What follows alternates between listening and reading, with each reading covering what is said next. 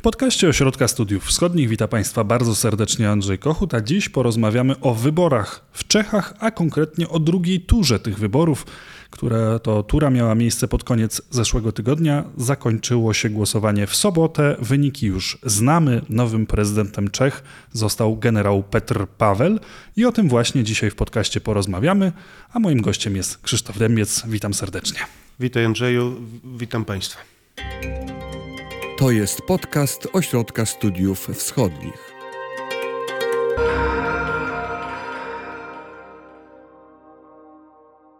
Zacznijmy może od czegoś, co wydaje się nietypowe.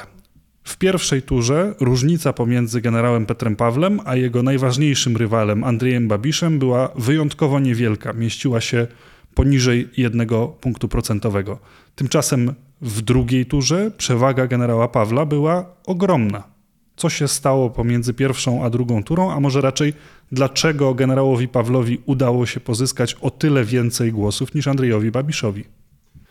Od początku było jasne, że mm, Andrzej Babisz jest jednym z faworytów do przejścia do drugiej tury, natomiast e, w tej drugiej turze będzie mu niezwykle trudno powalczyć o zwycięstwo z jakimkolwiek e, potencjalnym kontrkandydatem, z tego względu, że ma on niezwykle liczny elektorat negatywny. E, dla wielu Czechów jest uosobieniem oligarchy, który mm, łączy w swojej osobie moc polityczną, biznesową, medialną. Jest piątym najbogatszym obywatelem Czech. No na dodatek e, w tej kampanii też e, zaczęły wypływać też jego wątki, te, też, też zaczął wypływać wątek etniczny, to znaczy to, to, że Babisz tak naprawdę jest Słowakiem, Słowakiem który od y, przełomu lat 80. i 90. na stałe y, żyje w Czechach. Wtedy też mniej więcej rozwiódł się swoją pierwszą żoną Słowaczką i odtąd też żyje w towarzystwie swojej obecnej żony Moniki, która jest już Czeszką. To też można powiedzieć, że taka symboliczna zmiana w jego przypadku. Dostał też nie od razu po rozpadzie Czechosłowacji dostał też czeskie obywatelstwo.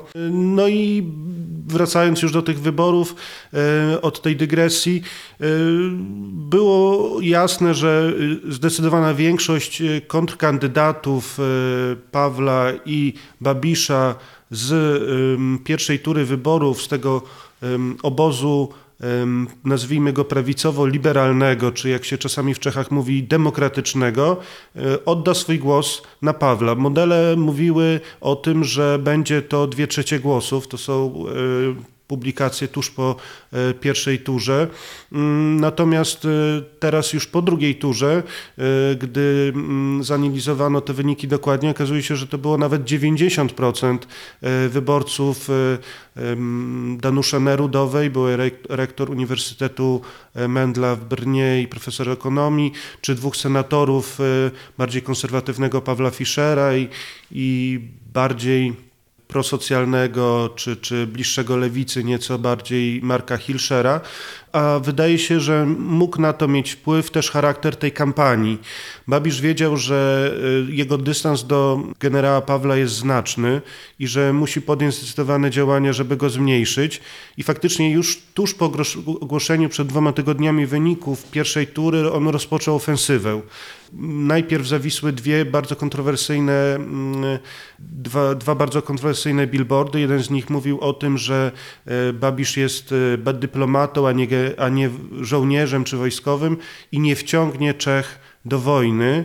E, drugi z kolei przekonywał Czechów, że generał nie wierzy w pokój e, i zachęcał do tego, by głosowano na niego jako na uosobienie pokoju czy gwarancję tego pokoju. I to chyba w ogóle była taka linia, dzięki której Babisz starał się zmniejszyć ten dystans przez te dwa tygodnie pomiędzy pierwszą a drugą turą wyborów, no bo było też to pamiętne wydarzenie z czas z debaty telewizyjnej, w której to Babisz przekonywał, że on nie chce walki, nie chce wojny, w przeciwieństwie do swojego konkurenta, byłego wojskowego, byłego generała, E, i że właśnie to on będzie gwarancją pokoju dla Czech. Te słowa oczywiście odbiły się szerokim echem również w Polsce, ponieważ w tej wypowiedzi Babisz wspomniał również o tym, że gdyby to Polska albo państwa bałtyckie zostały zaatakowane, to Czechy nie przyjdą z pomocą, ponieważ ważniejsze jest utrzymanie pokoju niż zaangażowanie się w potencjalną wielką wojnę.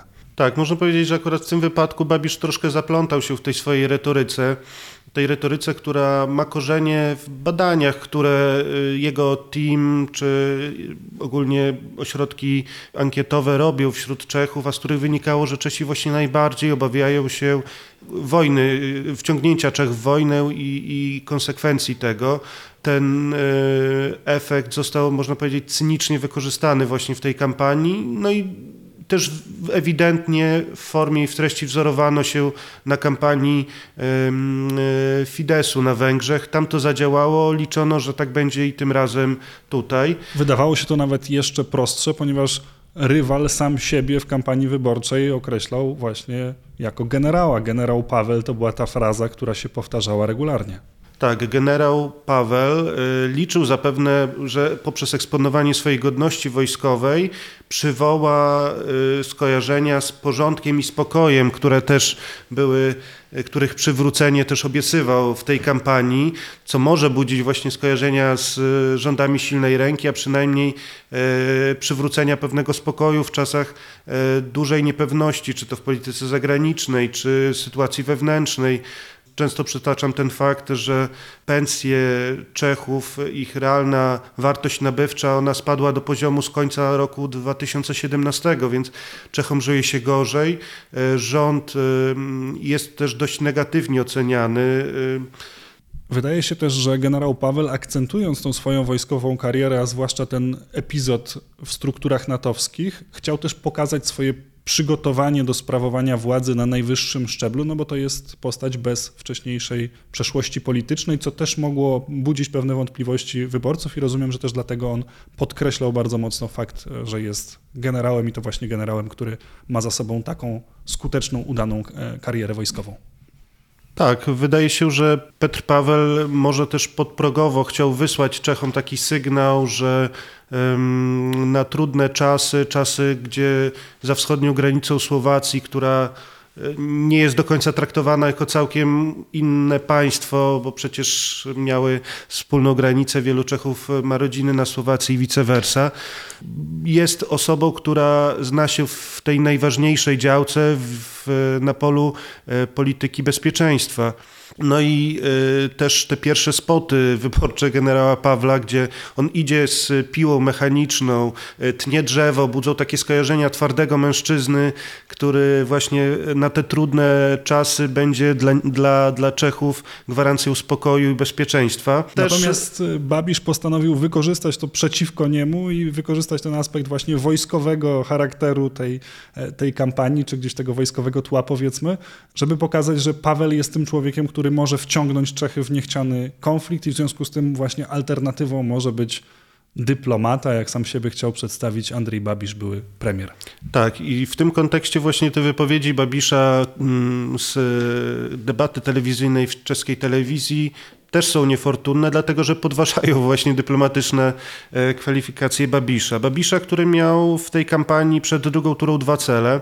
Pierwszy z nich to była mobilizacja możliwie szerokiego elektoratu antyrządowego poprzez łączenie generała Pawła z rządem, którego poparł. Paweł startował jako kandydat bezpartyjny i niezależny, ale jednak partie centroprawicowej koalicji rządzącej jego właśnie poparły, a nie Babisza. Babisza, który jest liderem e, opozycyjnej, liderującej w sondażach partii ANO. No i drugi cel Babisza to było zniechęcenie wyborców konkurencyjnych kandydatów y, z obozu mm, prawicowo-liberalnego, czyli Nerudowej, Hilszera, Fischera.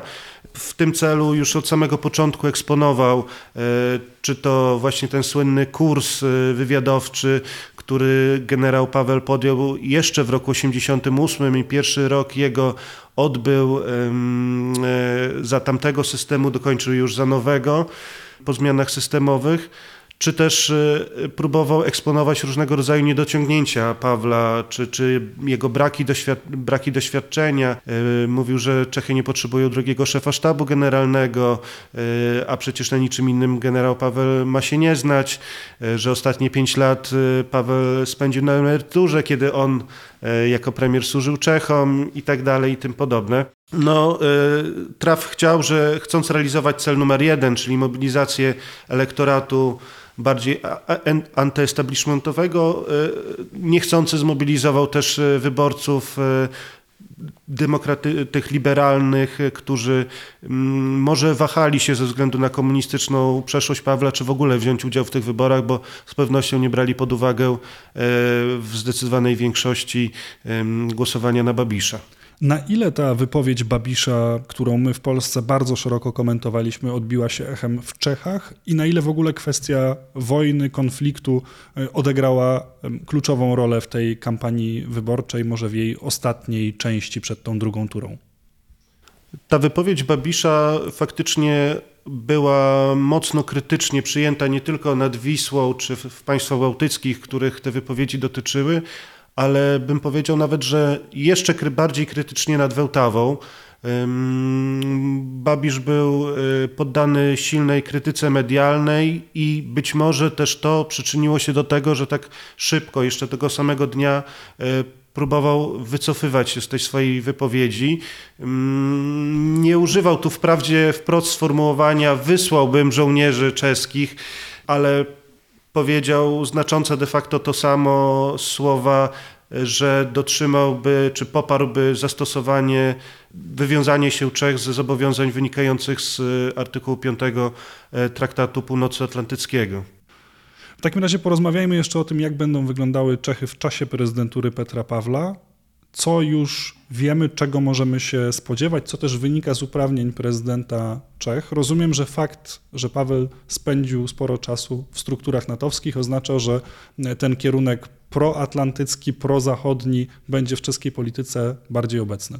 Tak, no Paweł był w latach 2015-18 szefem ym, Komitetu Wojskowego NATO. To jest taka komórka pomiędzy pionem politycznym i wojskowym sojuszu i to jest też jeden z najwyższych e, urzędów, do których e, nominowano obywatela Czech po 1989 roku. Także już samo to stawiało e, Pawła w roli takiego politycznego celebryty po tym, gdy, gdy z tego urzędu zrezygnował.